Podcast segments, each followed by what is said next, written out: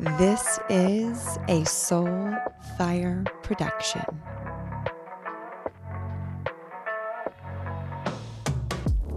Welcome to the Embodied Woman podcast. If you are new, well, hi, welcome. If you are a regular, I love you. I love you. Welcome back. Today, I am bringing you one of my top soul sisters, besties, soul family, all the things. And it really was such an honor and is such an honor to have one of my best friends on the show because this woman Alis Johnson truly is a woman who is like walking her talk, devoted to her soul's path, to her soul's purpose, to elevating her life, her family's life, her community's life. And in this conversation, she shares so many beautiful and tangible tools on how to incorporate your family into the path that you are choosing to walk on with medicine, with retreats, with your own evolution, with your own death and rebirth portals. So you don't have to feel like you're doing it alone. Alis is a gifted teacher, a dynamic community cultivator, and a transformation catalyst. So, these tools that she shares and her wisdom and golden nuggets that sprinkled throughout this conversation I have a feeling is really going to activate both mothers and women in general to communicate their needs when they're starting a new journey or a new chapter, going deeper, to communicate their desires, to be firm and to own your medicine and own the path that you're on. So sit back, receive, take out your journal and pen so you can write these golden nuggets down that Alis sprinkles throughout and enjoy this beautiful conversation between Alis and myself that was recorded down in the jungles of Costa Rica. Oh my goodness, hi. Hi. It's so nice to be here. so excited to have you on. My pretty much very first jungle bestie friend in this area. Mm, yeah. Hi. Hi. We've done so much life together, and so yet, like, no one would know, right? and, and, in like three years, we've done so much life together mm-hmm. and have gone through so many iterations of selves together in, in three years. Mm-hmm. But before we dive into all that, we're going to start off with a question that everyone gets asked What does being an embodied woman mean to you? Hmm being an embodied woman is something that's kind of a passion to me, right? Mm. Like I have a whole mm. song around embody, embody, embody which and is one of my favorites. Yeah. And it's this like recognizing of how much we offer, how we are just a fractal of our fullness when we express mm-hmm. and choosing to like let yourself be present to everything that you are, allowing that to flow through you so that your physicality reflects the fullness of your being. Mm, beautifully said. And for those listening, you and if you've been to any of my wild woman retreats, you have heard Alis's song, the soul song we play at the beginning of each retreat and opening ceremony, and it lands so beautifully. And the last day we play it as well. And so those who are like, oh, that's who we're listening to talking right now. Mm-hmm. Yep, that's that's the singer. Yeah. and that song is called Dear Soul. Dear Soul, there you go. Yeah. I just call it soul. Yeah. like, the proper term, so you can look it up, is Dear Soul. Yeah, that's how you'll actually get proper results. just type in soul. We'll put the, the playlist, all of, uh, all of it. Oh, well, let's start with what is most present with you. And you are in the process of creating and birthing this beautiful guide for families, for individuals that are on a path of whether it's healing, of medicine. And I want to start here because a lot of the listeners are either new to plant medicine or kind of the beginning stages. They've sat a few times and this guide that you're creating, the conversation we're going to have, I know for sure is going to bring relief to women whose partners don't get it or don't know how to support them or they're they don't know how to explain to their children, "Hey, mom's going to the jungle, like yeah. I'm going to be back." And so let's start with what had you create this type of support mm. structure? Yeah. Well, I mean, starting out, my husband went through a journey with some really, really deep health crises. And so, as the witness to his journey, I observed how much I went through. you know, people be like, oh, how is he? And I'm like, well, he's in really bad shape right now. And also, I'm going through something too. Like, my partner is sick you know and so i recognize this need and this disconnection of people being able to support a person going through something mm. and the disconnect of not knowing how to support the person who is with them in that mm. process and the neglect of that person's story and so as we started to evolve into like the plant medicine spaces mm-hmm. which was part of our path of healing as well mm-hmm. I started observing and I saw that people would go through transformative experiences and then come back to their families and there would be this disconnection of like, they don't mm. understand me anymore. Mm. So therefore, there's something wrong in the relationship. Mm. And really, the relationship wasn't at fault a lot of times. There hadn't been an invitation mm. for the person who was witnessing to go through their own ceremonial experience. And so this is birthed out of witnessing um, an invitation for growth for the community mm. and wanting to provide that for people. And I'm passionate about it because if we're going through transformation and come back and create more havoc, like what are we doing it for? You know, if you go away on a medicine retreat for a week and a half and then come back and have to sever all ties with everybody you know, there's more that needs to be attended to. Mm. So that's, mm. yeah, my vision yeah. and hope. yeah. So, for the woman who feels called to come to a retreat or do deeper work that's outside of the home, and they have to travel to get there, but their partner is like, What are you doing? Like, where are you going? Mm-hmm. What are some ways they can begin working in that phase together? Mm-hmm.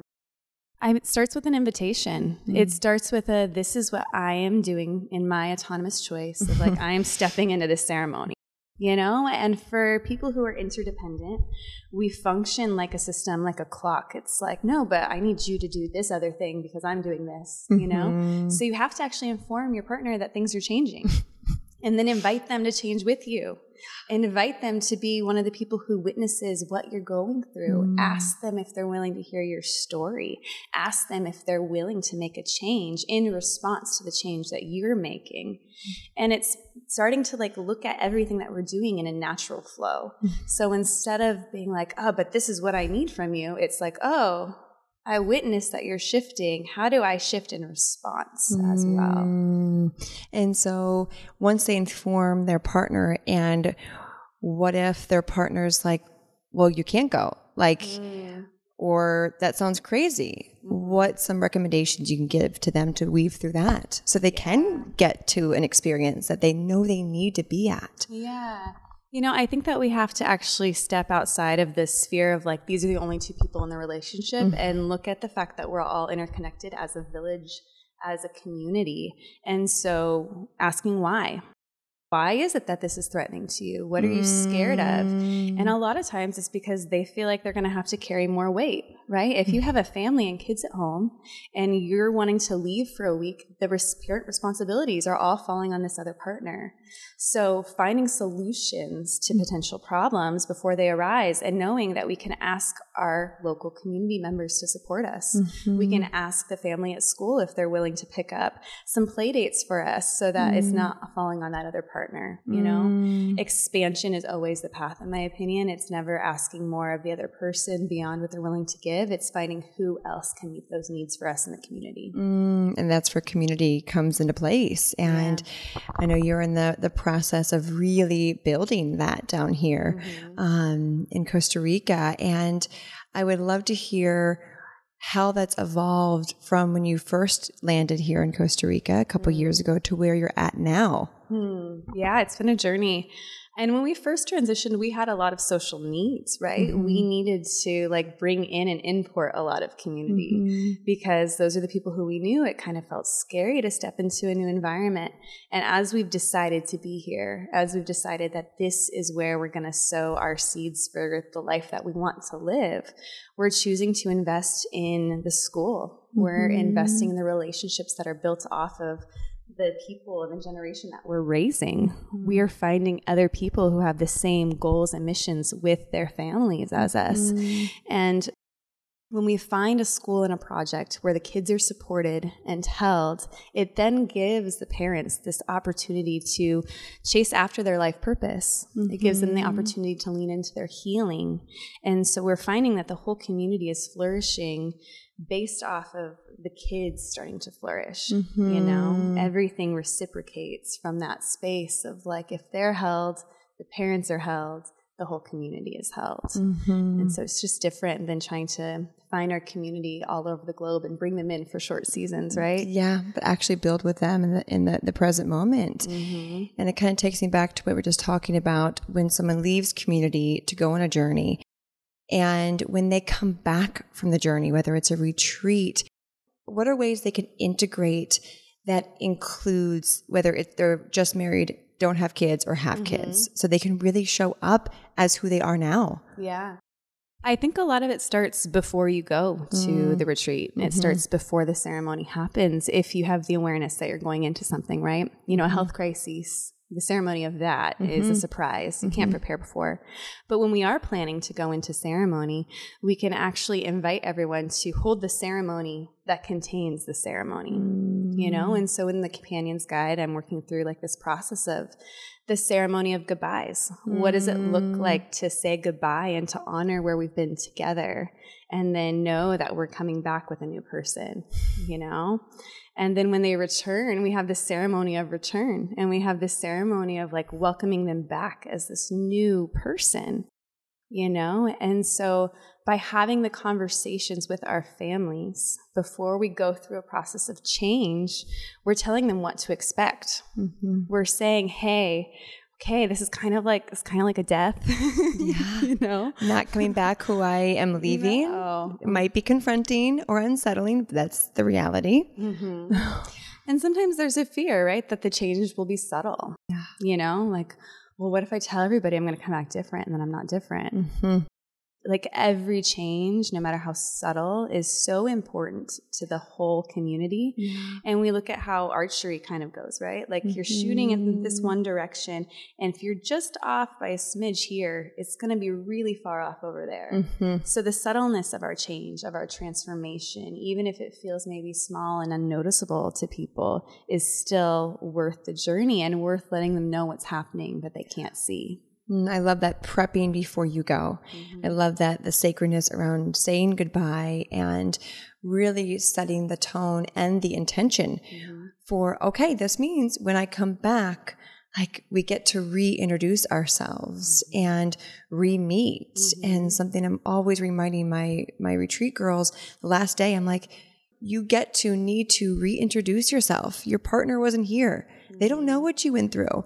You can't expect them to read your mind on what you went through. So I really love the setting your future self up for success before you even go. Mm-hmm. So no one's blindsided when you get home. No one's like, well, I didn't know it was a big deal. Like they know it's a big deal. Whether it's a, you know, a weekend of silence or a week long something, it's still a coming and going. Mm-hmm. Absolutely. Yeah, and I think that they then get the opportunity to have their own ceremony mm-hmm. in the time that you're away, mm-hmm. right? When someone who you spend the majority of your time with, perhaps, mm-hmm. you know, or even just all of your evenings you spend together, you have these regular rhythms of being with one another, there's a spaciousness that opens when they're gone, mm-hmm. right? That is an invitation for them to go through their own ceremony of prayer, of fasting that relationship, right? That challenges anyone just when you interrupt the flow. Yeah. And so that gives them the invitation to really start their own process, right? Mm-hmm. And to, in those moments when maybe they're frustrated or bitter or whatever, be like, no, like, remember, we're all doing this together. Mm-hmm. Like, this is a collective mission because healing is a family process. Yeah. Yeah. I would love to talk about your journey and what you've been through over the, let's just, I'd say, let's, since I've known you, let's go there. One of my favorite things, my the most recent one, is the shift of names. And I am always so fascinated when people change their names. I'm like, okay, there, something shifted enough where you no longer resonate with a past name. And so let's start with who was Stephanie? let's start with that. Yeah. Who is Stephanie? Who I met? okay, Stephanie, who you met, I mean, because there's lots of iterations of Stephanie, right? Um, the Stephanie that you met is a mother. She's fiercely like loyal, and she's devoted to her own practice, mm-hmm. like in such a way, like she was willing to get up and pray without ceasing every day for hours. Mm. You know she was an artist and a musician but would have never like put herself at front of the stage would have like wanted to make sure she was like off to the side and like just subtle and not claiming more space mm-hmm. than she felt afforded you know there was mm-hmm. a lot of um, minimization for Steph, you know? Mm. She had so much to bring to the table, but also was like, it's kind of a lot, you guys. this is what I got to offer in this moment, you know? yeah. Um, and I've had to go through a process of first um, kind of like like Steph's dead. Like Stephanie died. like, I remember that phase. yeah, like she's not here no more. and really learning to love her yeah. and to be so grateful yeah. for the fact that she got me here. Mm-hmm. She was fierce and she like was brave. She moved her children into Mexico Jesus. in COVID, like, like, so that her husband and them could be together while we were while like, your husband's sick and like trying to heal himself. Yeah, like she moved her family to the jungle, right? Yeah. She like super casual, super casual. Just brought them here. Lived in a tambo, like with the nets ripped for like because you knew that was that was the best choice to make for for everyone's health and future. Yeah, and it was like that. It was uncomfortable for the moment, but I knew that there was like a long term payout. I knew it was worth the risk, yeah. right? And so there's a, like really a mourning of like her death, but mm. knowing that like she did what she was here to do. Like her dream was to make it to the jungle. Her dream was to have her husband healthy. Her dream was to have her kids thriving and able to be free. Mm-hmm. And those dreams were accomplished. And so I think in order to continue like living this life, I needed to almost be like, wow, everything has changed. We got a lot of things like checked off of our list of wanting to have happen, right? Mm-hmm. And so Alis is like this rebirth of like, well, what happens after mm-hmm. after you make it to the place you're going? Mm-hmm. You know? Mm. And it's a way, like the name change exactly as you said, is yeah. a way to inform everybody else that yep. something has changed. Yes. Yeah. yeah. And so who actually before I even ask who is Alis, when did you know? What was that time you're like, it's time to change the name? Mm. Well, I mean, I was working with the name for several years, yeah. right? It was like my artist name. It was like a moniker. On Spotify. Kind of, hey. Yeah. Spotify. and that expressed my like musical expression. Yeah. And um, it was working with the plant medicines. I had been really going through like a series of ceremonies. I mean, for years, mm-hmm. but really mm-hmm. intensely down here in the jungle yeah. for um, about a year at this point. As we do. As we do. Welcome to the jungle. Yeah, for sure. Jungle life. and so it was being here. Yeah. And I had actually prepared a whole retreat and I invited other women mm-hmm. to come down. It was my bloom mm-hmm. retreat. And I invited them to come down on an alchemy process mm-hmm. where we um, stretched ourselves to the limit. And I experienced my own rebirth in the ocean at the whale's tail. Mm. And I was like, okay, Stephanie's died. You know, Alis is really here for this next season. And Alis means the exalted one. Mm. And so she is like the version of self that is being put in front of like all the other expressions. Mm-hmm. And she's like, okay, guys, I will represent us. like the one ready to shine yeah. and be up there. And so now, yeah, who is Alis? Yeah. Like, I mean, she's the artist, right? She's the artist and the curator and the director and a mm. catalyst for change. Mm-hmm. You know, she like steps into a room and she's looking for how she can help breathe life into it and help people take the next step. Mm-hmm. You know, she's mm-hmm. like this spark in in the alchemy journey that helps like the things start to move in a direction that feels like where they're supposed to go. Yeah. For people who maybe are in the Steph archetype and they've kind of got to where they're at, but maybe still struggle with some limiting beliefs or not showing up fully, whatever that is for them. What are some modalities or recommendations you can give to them to be able to shift from that version of self and then into the next one that they know is right there? They can taste the next one. What does that look like? Yeah. Um, I, I would say challenge yourself. Mm. Like challenge yourself in big ways. Mm-hmm. Like do the thing that you don't think you can do and really like recognize that you are the answer to the prayer. You are the one you've been waiting for. And this comes in like the manifesting skills, right? But it also Mm-hmm. comes in like choose to climb that mountain. Choose to go and swim further than you've ever swam. Choose to Mm-hmm. put yourself in an uncomfortable position and sit in the darkness Mm-hmm. for a week. You know, put yourself through a thousand day practice with Kundalini. Choose whatever those forms are. That is your specific medicine. It's your ingredients to make you the most fulfilled Mm-hmm. and lean into them to the point where you find that you're bigger than you realized you were. Mm, I love that. That the word challenge, and it's like a stretch, but in a way where you're choosing to stretch yourself, knowing that if I stay comfortable and I keep repeating the same patterns, I'm not going to get different results. And so sometimes it does take a darkness retreat, which mm-hmm. you did the a cave retreat. Sometimes it takes going on, on your own journey or even just consistent hikes in nature to really be able to listen to what's next. But it does take a little effort and it mm-hmm. takes a little action. I think in the spiritual space, some people have this belief that expanding and healing looks like just sitting and meditating. Mm-hmm. Yes, and and love it, but that that's not going to challenge us to get to the mm-hmm. next level of self or to mm-hmm. shift into a new paradigm or new timeline. And so when you chose to make this shift, what did you see quickly manifest or happen in your life as a result of that? Hmm. And you were like, "Oh, it's working." Hmm. Well, I think for me, it wasn't like an immediate, like, oh, it's working. You know, mm. actually, at first, it felt like an immediate, like, oh no, what did I do? Abort mission. Abort mission. There's this recognizing that, like, the things I was putting intention and effort towards mm. were coming true in front of me, mm. and there were some things that I was like, oh, I don't, I don't know if I want those things to happen, right? And sometimes we learn our power through things happening for us that we actually don't want, you know. And so it comes to this point of like, okay, then let me get really clear. Mm. Let me get really clear. And it came going back into my practices so that mm. I could be centered, so that I could clearly manifest what I wanted and not just things that were exciting in the moment.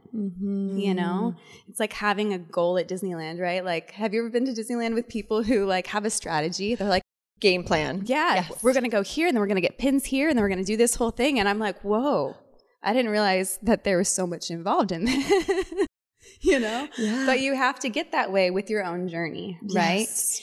And you have to become your own scientist of discovery and observe what's happening so mm. that you can figure out what it is that you need to make yourself fully come alive. Mm. And just having the right people and friends around you help that. Of course, you know, mm-hmm. and that's like a weeding process, Yeah. right? Yeah. And sometimes those are the things you see manifesting. Sometimes there's a business venture with this person who mm-hmm. was a friend and it was great, but it's actually manifesting much quicker than it should, you know, and, and maybe it's not healthy in the way that you thought it was. You know, maybe mm. there's relationships. So the people in your lives become very reflective of if you're on course, you Yeah. know? Yep. And therefore, that's where I believe like that discernment and really honoring ourselves and calling in our people by doing the work to get mm-hmm. into alignment of that. Mm-hmm. And I, I ask that because I know there's a lot of listeners who are on that path of looking for their soul family and looking mm-hmm. for people who get them and see them and and grow with them. And so what would you recommend to those women who maybe are in that in between phase of the Steph and Alis and don't have any friends because they've Yeah. They've kind of had a set reset? Yeah. What can they do to call in those mm-hmm. friends? Well, it is. I mean, I think that's such a common thing that we go through where you have to like clear the slate so that you can call in the things that you want in. And I think you have to focus on yourself. You have to focus mm-hmm. on who you are and how you actually show up in the world. Mm-hmm. Because if you go out searching for friends, then you're going to find people who you can mold yourself to because you're mm-hmm. searching and you're like, okay, how can I be a friend to these people in this way? But if you get clear in who you are and if you get clear in what you want to do in the world, you'll find people who are on mission in those journeys in the same way you are, right? Yeah. It's the difference of like, oh, like we can be friends because we're in the same place at the same time to like, no, I'm friends with you because we're both going somewhere together, you know? Mm-hmm. And those are the friendships that really set me like a blaze. The ones yeah. where I'm like, okay, we're gonna go and change the world. All right, shit done. We are slaying dragons yeah. in the most like easy, juicy Costa Rica way. Absolutely, pura vida. Sometimes slaying them is tattooing them on your body. exactly. You know, like that's just how it gets to roll. Yeah, yeah. It's it's such a powerful shift when we can allow those people to come in and not mm. go seeking them. And I love your that languaging there of allow them to come in by getting in so fierce alignment with who you are. Otherwise, you're just going to attract people who are like awesome, but like just on a different mission. Mm-hmm. And when you find them, everyone can truly rise together. And mm-hmm. I know we've done that over the past three years yeah. of just like different iterations of self mm-hmm. and growing and cheering each other on mm-hmm. and and just doing all of that. And it really does make a difference. Yeah, absolutely. And I think that becoming a good friend, right? Choosing yeah. to take on that role of the sacred witness, like mm-hmm. friendship instead of it being about you getting your needs met, like let it be mm-hmm. about you being present with the other person on their journey and being there to cheer them on and be a supporter to them and there's like something that naturally like is reciprocated in that right yeah. and if you're giving somebody your all and cheering them on and helping support them and that's not being reciprocated like well what is that friendship like yeah. why are you there yeah you know? and only staying in those drags everyone down. Yeah. So it's like, okay, bringing the energy back mm-hmm. and refocusing on what matters. And so there might be in between phases yeah. where it is a little sticky and weird, mm-hmm. but like stay on the path is what I'm hearing mm-hmm. you say mm-hmm. and yeah. just keep being you. Yeah. And so my my next question is let's talk about parents here and being a mom. Mm-hmm. Moms who really want to step on the, the medicine path, mm-hmm. but maybe have like mom guilt for working on themselves, leaving their children to come to the jungle, or even investing into an online program like yeah. that. Oh, but it should be going to this. It that's selfish. Mm-hmm. What are some recommendations you have for them?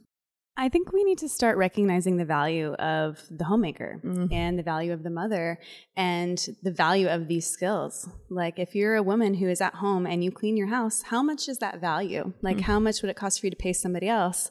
Like, put that to your salary. Like, you know, put that towards how much money that you are worth. Yeah. Right. And so start to actually study all of the things that you're contributing to the household, contributing to your community, and start to like monetize those, not to like make money, but to recognize your worth. Yep. You know, so that when you do have a conversation with someone, you're not looking at like, well, how much should I just like put in the bank account this week? And maybe I'm not worth it because I didn't make more this money. It's like, actually start to look at all the value you bring so that you can mm-hmm. recognize that you are worth the investment. start to look at your spheres of influence and the network that you have and all of the people you love and how you being in a better place is going to be a value add to all of them. Mm-hmm. You know, when we can start to recognize what we do in our environments, we can reprioritize how we support ourselves moving forward. Yeah you know? And I think that it takes getting honest and it takes making sacrifices. Mm-hmm. and so maybe you don't start, like if you haven't done any work, maybe don't start with the week long medicine retreat. Mm-hmm. Like maybe don't start with the darkness. Maybe mm-hmm. it's a mm-hmm. commitment to like, well, you know what? Every month I'm going to go to a full moon women's circle yeah. and I'm going to like make a commitment. And yeah. if you can show up to that monthly, then what comes next? Maybe you then are like, now I know that I can actually claim for myself like a weekly gathering. Mm-hmm. And then we build build on that, right? Yeah. And as you incrementally work your way towards the big thing you want to do, you're allowing everybody to be able to respond, mm. right? To be like, okay, you're going to be going into ceremony now. We're practiced because we did it last week and we did it the month before. So now we have a more spaciousness to like be able to respond to you being gone for a week. Yeah. And I love the wording you used in the very beginning of informing mm-hmm. our family, kids, partner. Like, this is what I'm going to do. And I hear from women of, well, I need to ask, I need to, yeah. all of that. And so for the woman who's the mom who's like, wait, that's new for me. Okay, get it. I'm going to put me first, my value, love it. How do I go from asking my partner or kind of making it weird, explaining to my kids what I'm doing to mm-hmm. informing them to start yeah. a journey. Yeah. Absolutely. I think that when you actually inform the people of what you do, it comes into like sitting down and telling them where you're going, mm-hmm. telling them vulnerably what it is you've been struggling with and maybe mm. what you mm. want to see changed, right? Mm. We have to tell them where it is we're trying to get to, right? Like, I am stepping into this because I want to be a better mom. I'm stepping into this because I want to be a better wife who's maybe more patient. Mm-hmm. I want to be able to have a conversation with you about money where I'm not triggered because of something that happened in my family, mm-hmm. right? So when you can explain what it is you're working towards, people are yes. like, okay, I could get on board with that. That, that lands. Yeah. I get it now. I get it. And this is a value add for all of us because it is. But we have to be clear enough in what's happening so that we can articulate it to the people that we care about the most. Yes. I, what a beautiful script rewritten of like we mm-hmm. get to, and that's empowerment yeah. of this is what I'm going to do. Yeah. And you don't have to understand it, but here's how I see it supporting the family. Here's how I see it actually improving your life. Like me doing this is actually going to help the greater good for all. And I think women being able to use that that languaging and that um again like assertiveness but from love. Yeah. I think will probably land a lot better than they imagine because it's coming from love and coming from a win for for all. Mm-hmm. yeah. Well, and sometimes it's letting go of the stories that your mother gave you. Mm. You know, maybe you heard your mom talk about another woman at some point.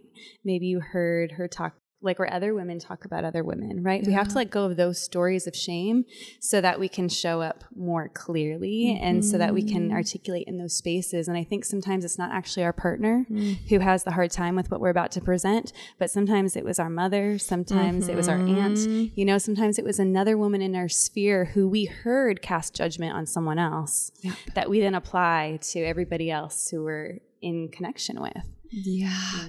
And being able to clear that within us as the individual on behalf of the mother, the grandmother, the great grandmother of, oh, this statement, right? It can end with us means that in every area of our lives. And so if you were modeled by your mom of altruism or putting everyone else first and you're just like, oh, I was, I, that's all I ever knew. I get that I want something different, will you actually get to, like, it does get to end with you mm-hmm. if you choose that, but it, it takes a little bit of courage. Mm-hmm. That's why it got passed down to you because maybe your mother or your grandmother didn't have that courage or they didn't have the know how of what they were even doing. Mm-hmm. But if we're aware of it, we get to then clear it. Yeah, absolutely. And I think, you know, I like to say that my mom did the best she could with yeah. what she had, right? She totally. got me so much further than her mother had gotten her, yeah. than her mother had gotten her, right?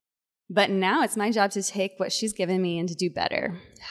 Right. And so, how do we do better? We do see over and over again as I heal something, I get a call from my mom or my grandmother and they're like this amazing thing happened and i was so good and i set my boundaries and i'm like that's uh-huh. great like and i hear that that with other women I as totally. we're doing the work like it does go in both directions you know yeah. and i see a change in my daughter like my mm. daughter does not mm. have the same issues and narratives and stories that she's working through that i had to work through at her mm-hmm. age and so like in both directions we are truly healing when we really stand in that like authority that like I am the answer to the prayer. The thing I want to see change starts with me, you know? Yeah. And what are some of the those things you're changing right now in your life? Like what's present for you that you're navigating? Yeah.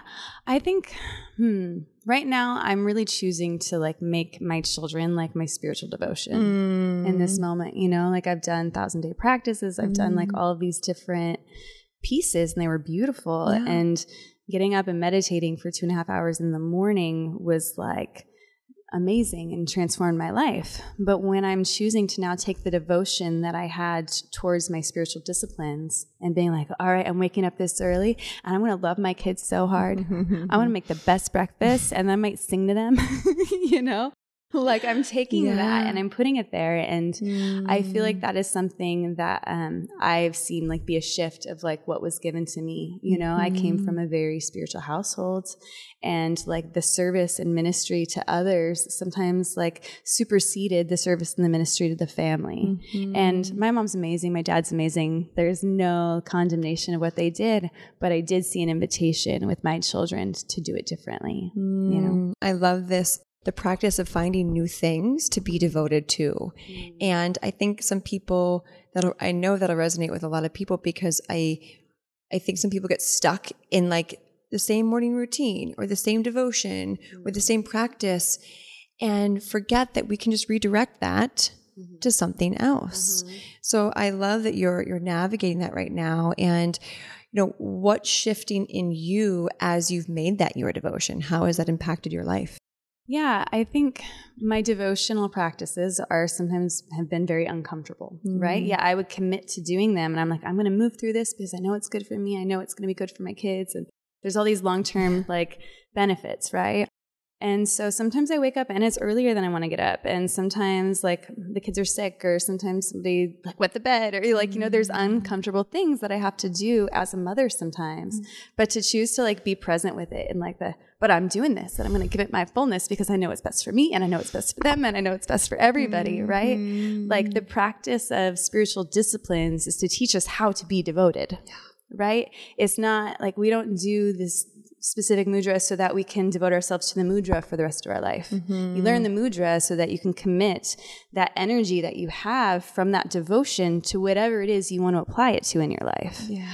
You know, and that's life changing. And they talk about like before enlightenment, chop wood, carry water, mm-hmm. and after enlightenment, chop wood, carry water. Mm-hmm. Like there's a time of enlightenment that's separate, it's set aside, right? And then there's taking care of normal life rhythms. that is like the bulk of what we do here as humans, you know? And so for me, I might not be chopping wood and carrying water, but I think that I like do dishes and fold laundry before enlightenment, and then I do dishes and fold laundry after enlightenment, you know? yeah. And let's even go there on what are some ways people can create sacredness mm. around just daily life, which is yeah. again most of our time. yeah, absolutely. I think that um I mean definitely doing mantra has been mm. an easy one mm. for me to tap into and mantra could be a sacred song or whatever mm. it is, but mm. like I have always been able to connect into music and rhythm in mm-hmm. whatever I'm doing. Yeah. Right. So again, my dishes become a prayer. I'm mm-hmm. doing dishes, but I'm also like sa ta na ma sa ta. You know, I'm frustrated because somebody left it on. The sa ta na ma, right? And yeah. whether it's that or whether it's going on a walk or whether mm. it's doing the laundry, right? Like all of those things that are just part of what you do as a human mm-hmm. can be applied with this like consistency, a rhythm. And that's the practice of japa. Mm. Japa is repetition, is what it means. And it also means meditation. Mm. And so when we do our mantra, repeat it, which is japa, we also have an opportunity for meditation. And what that teaches us is that anytime we do something that is repetitious and that doesn't require a lot of mental activity, it is an opportunity for meditation mm. or prayer or yeah. however it is that you connect with the divine in a way that feels easeful and gentle and mm-hmm. that it doesn't mm-hmm. take a lot of like mental aptitude. Yeah. And it, I think it helps stay present and witness mm-hmm. the magic of life when we're mm-hmm. able to mm-hmm. wash the dishes and be like, hmm, okay, I can either get mad right now or just mm-hmm. be in this mm-hmm. moment and make it sacred. And mm-hmm. therefore, those are miracle moments when we have that shift of old self into new self. And then it becomes just a way of our being yeah. and how we show up. And the minutia of life turns into magical moments of life that don't just fly by. People that are like, you know, time's flying by or whatever. It's like, well, what if you were just extra, extra present and created the sacredness mm-hmm. through the daily routine? So I, I love those. And mm-hmm. whether you're a mom or not, or an entrepreneur, like how can, you know, the invitation is, how can you in the in-between moments, while you're washing your hands, like actually be in that. Put a mm-hmm. song on, sing, yeah. say some affirmations, whatever resonates with you, because it, it, sticks. Mm-hmm. Yeah.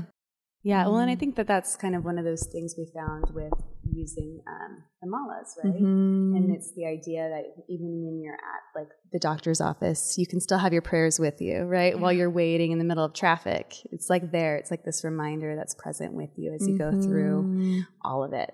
Yeah, I know family is a big, big one for you. We've touched mm-hmm. on that, and you and I have chatted about uh, your view on what you feel is happening to the nuclear family and the structure of family in general. Yeah. I would love for you to touch on that. Like, what do you think's happening right now? Yeah. Well, I mean, I think that the nuclear family was a trauma response. Mm. You know, I think we had a generation of men who went off to war in mm-hmm. the world mm-hmm. wars and who came back with a lot of PTSD and zero resource to support mm. them and how to integrate that. And so we had a generation of men who returned, like, here you go, like, figure it out for the rest of their lives with no resourcing and who became abusive figureheads for a lot of people. Mm-hmm. We had a generation of families that didn't feel like home was a safe place, mm. you know, and whether mm. that was abuse with substances, whether that was physical abuse, like whatever the form of abuse in the household, mm-hmm. there was a response generationally to like reject that abusive generation and to form the nuclear family. Mm-hmm. It's like, mm-hmm. it's better if we just do it ourselves, you guys. Mm-hmm. Put the walls up, close the door. Just put it up. It's okay. We're going to be all right. Just the four of us, right? Just the mm-hmm. four of us. It'll be fine.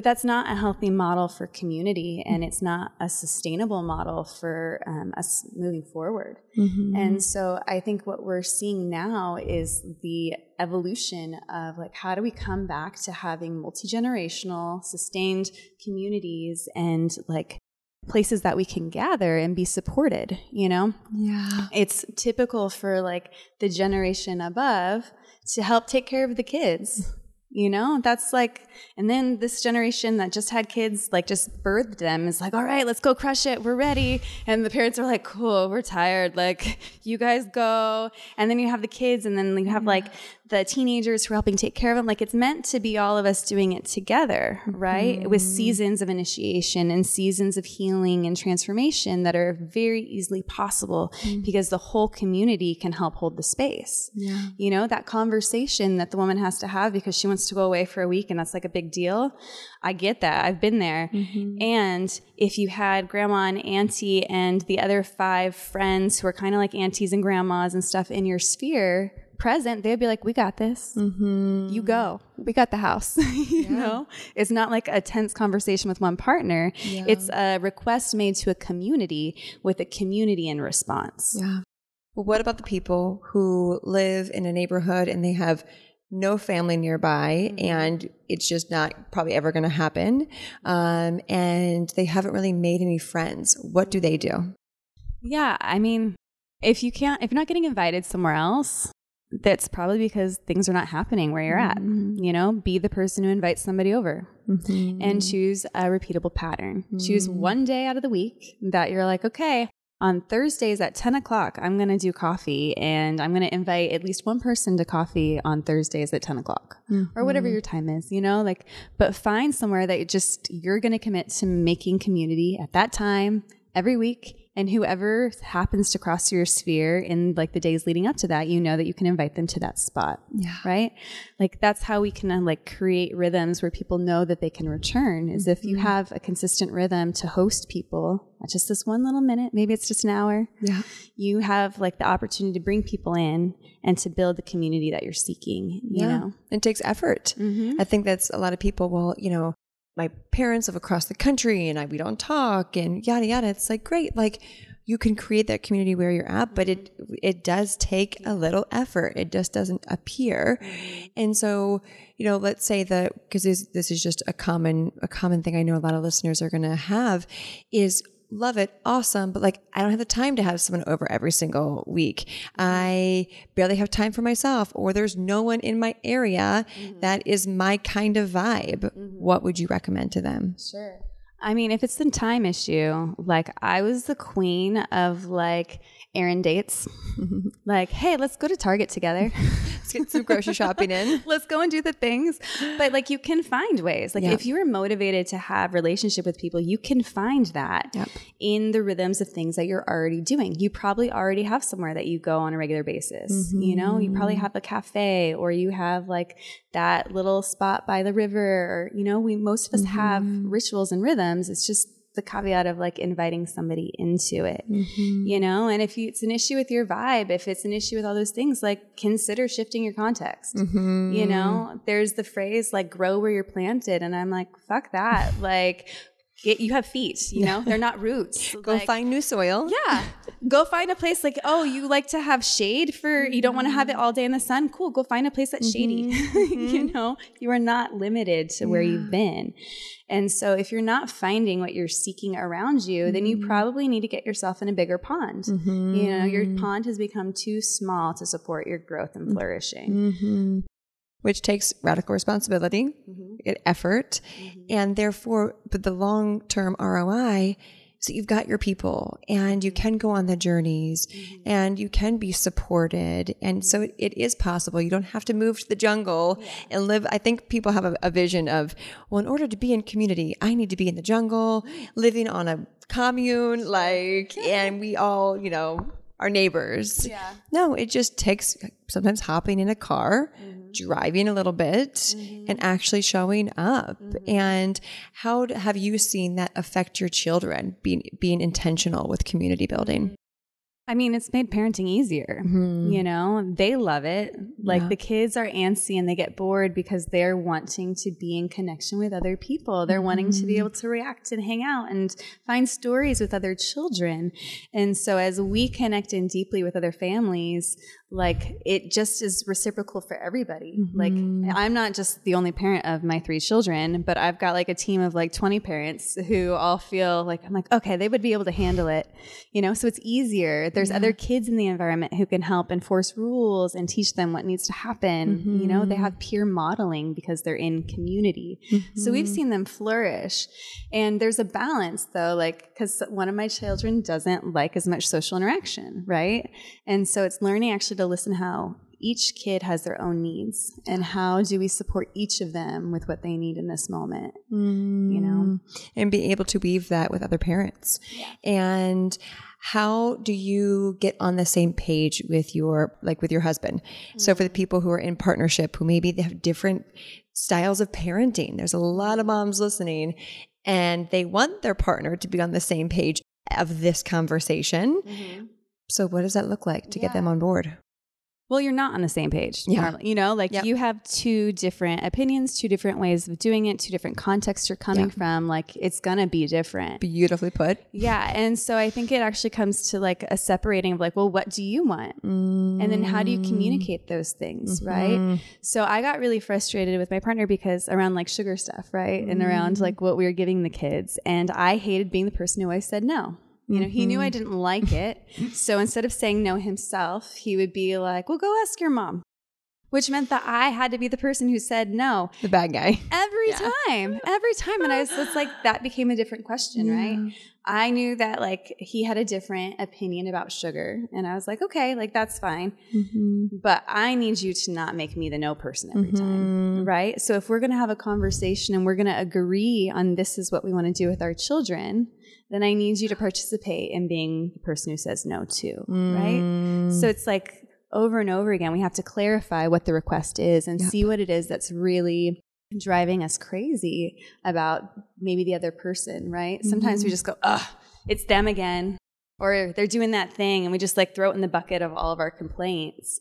And as long as we throw it in the bucket of all of our complaints, it's just going to be overwhelming. Yeah. Like we actually have to like bring it out and be like, okay, well, what do I think about this one? How can yeah. we problem solve this one? And how yep. can I make the request that is going to make it easier for both yep. of us? Yeah. You know, it's okay to have different opinions. And I think that our children actually flourish from different parenting styles. Mm-hmm. You know, um, my, one of my children is able to play really, really big with my husband and they're able to wrestle and he's able to like lick his face and do all those things and that's great i'm so glad he has those needs met with dad and it's my job to be the one who's like no i don't like to play that different way. type of play yeah different yeah. type of play yeah. and so i think that we need to just actually respect the mm-hmm. other person's um, like what they're bringing to the table. Yeah. You know, we respect them and then we also hold them accountable to like acting in agreement with what their intention is. Love that. And that's where it's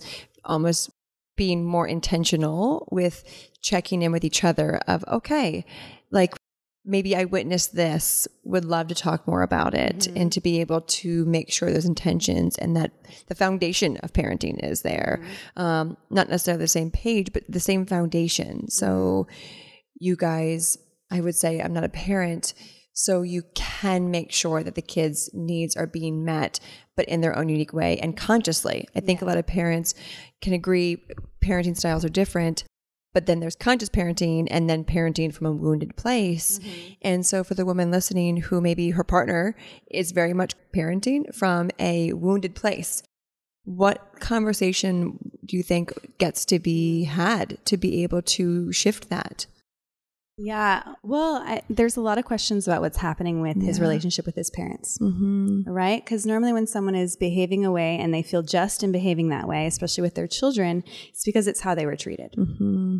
And because they have seen their parent as a hero, mm-hmm. or they have seen this as being the thing that made them who they are, mm-hmm. they will defend that you know mm-hmm. so first it's like you have to bring the awareness that there might have been some abuse mm-hmm. that there mm-hmm. might have been some things that shouldn't have happened in their own experience and so really the first thing is grace and healing mm-hmm. right like we have to figure out what happened in their upbringing that has made it like okay for them to behave this way maybe with your child you know? And once yeah. we can figure that out we could be like do you really want to pass this on? Like do you want this to repeat? Yeah. You know? And if you don't like let's together find some ways that we can work on resolving this and fixing yeah. it you know? It's a group process mm-hmm. and you can't um like you can't prescribe the way when you're that close when it's your partner like it's not your job to be their teacher and it is not your job to be their therapist it is your job to hold them accountable and be like this is what i see like let's mm-hmm. go find a therapist mm-hmm. together yeah know? and then being able to weed through the trauma and the wounds and mm-hmm. and that's i like to use this this statement um, partnering versus parenting mm-hmm. if we're parenting our, our partners on how they parent they're just going to shut down because mm-hmm. we're most likely pl- playing a role of their one of their parents, of perpetuating the problem. Mm-hmm. So I love the recommendation of, of bringing a third party in to be able to see it in a different way and to have healing happen mm-hmm. so it doesn't get passed down. Mm-hmm. And no one, no parent wants to pass down consciously um, stuff onto their mm-hmm. kids, but it's a reality, and it sounds like it just takes a little bit of courage to have that conversation of, hey like would love to go chat with someone with you mm-hmm. so we can be better parents and individuals. It's a it's a teamwork. Mm-hmm. Well, and if we're really leaning into community, it doesn't necessarily have to be someone we hire. It mm-hmm. could be a coach. It mm-hmm. could be a mm-hmm. good friend. It could be a trusted member of the mm-hmm. community who knows both people and who can like reflect objectively. Mm-hmm. You know, yep. like, this is what I see. Here's some advice. Here's honesty. Some thoughts. Yeah. Honesty. you know, I think we need to stop like completely outsourcing everything from the community. If we're really trying to build the community, then we have to actually trust the people who we're inviting in to support yeah. us when we need them. Beautifully put, beautifully put. So, as you're stepping into this next iteration of self, yeah, who are you stepping into? Not even who, mm. what are you stepping into mm. next or currently in your life? Like, what are you claiming? Oh, let me think. I I mean I'm stepping into myself as like an orchestrator and a director and like a really profound storyteller. Mm-hmm. You know, and that is applicable to all of the things that I do, right? Yeah. I'm choosing to not just put like one part of myself on display, but I'm choosing to be like, all right, guys, we're here. This is all the versions of me, and we're going to present this to you in a different way. And um, I'm really excited about the community development piece. Mm-hmm. I'm excited about getting to document like the life project, the school that my mm. kids are a part mm. of, and see how it grows and how it can potentially shift the way we look at education yeah. from like a larger perspective. Like, mm-hmm. and I'm excited to get to be the sacred witness to more and more people who are doing really profound work in the world. yeah. Know?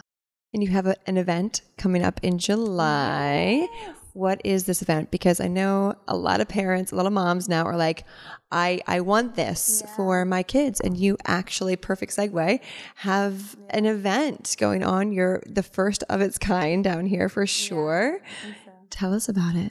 Well, we're doing summer camp. Yay! I know. I grew up going to summer camp and I love summer Who camp. didn't love summer camp? Oh my gosh. Like summer camp was highlight reel. And I was like, why did it end? And I was like, it doesn't have to. Mm-hmm. so we're creating an ecstatic experience for the adults. Like we are going to mm-hmm. take everyone through an ecstatic embodiment retreat, but it doesn't end with an adult retreat. We have mm-hmm. a full kids summer camp program and we're getting and we're able to collaborate with Life Project. And so the kids are going to be doing permaculture and they're going to be doing jungle games and they're going to so get to participate in an earth guardianship program and they're going to be pen pals with the kids who are living in the jungle, which is an international school where kids are coming from all over the world. Mm-hmm. So they're going to have a world cultural exchange in like a way that I've never seen and that I'm so excited to like get to be a benefit not only to our retreat participants but to our local community. Yeah. You know, I'm getting to weave together our local community with my global community mm-hmm. in a way that is mm-hmm. is like just tickles me in all the right places, right? I'm yeah. so stoked. And like with that, like as we're trying to support families and we're trying to support communities mm-hmm. in transforming together, we're going to take both the children and the adults through their own ecstatic experiences. And then we're going to weave them back together and mm-hmm. we're going to have community dream weaving where we'll get to vision together what we want to bring into the world and support one another's visions. Yeah. So um, I'm so excited. There's going to be horseback riding and there's going to be dances and it's going to be a really epic time. So epic. So yeah. where can people find out more information about summer camp? Yeah. So alisreflectivesoul.com backslash summer camp has all the info right now. And that's A-L-I-S for the Alis Reflective Soul. Mm-hmm. And there they can set up um, a discovery call to put in their application with me and then we'll move forward with booking. And mm-hmm. if it doesn't work out this time, we'll have another ecstatic embodiment retreat in December. And then next year, we're planning on having summer camp be a yearly thing. and we'll put that link, you all, in the show notes. Oh, such a delicious conversation. And I, I truly hope that there's a lot of parents listening that are like, okay, like I'm on the I'm on the right track. Like yeah. that that I, I feel and see what's possible. Mm-hmm. Yeah, I mean, we're all going through transformation together yeah. right now, yeah. right? And parents aren't left out. Mm-hmm. You know, it's not this thing that's in the closet like we're parents and it's sexy to be a parent. you can have fun. you can do all it all can be super things. cool. Yeah, it can be super cool, you guys. So yeah, yeah. I think that's like mm. my desire is that this would be something that like we have people transforming in a community from birth until the time that they die, right? And yeah. that we all are going through a process. Like evolution isn't just something for like young singles. It's not mm-hmm. something for people once they mm-hmm. have like empty nests. It's really for all of us. Yeah. And if we do it together, we can actually support our children in having mm. like a mm. head start when they get to be our mm. age, right? So yummy. so, where can people connect with you and find you on social media? Yeah, it's at Alis Reflective Soul, and you'll find me on Instagram. And then my website's the same, mm-hmm. and YouTube's all the music videos and Yay. all the things. Spotify. Yeah, I'm so grateful. So grateful. Oh, thank you for chatting, dropping in. I love you, and I see you, and all that you are creating. Thanks. Thank you. And thank you everyone for tuning in. As always, choose happiness, choose joy, choose rage, whatever it is, just choose it. Because, well, why the fuck not? Talk to you on the next episode. Bye.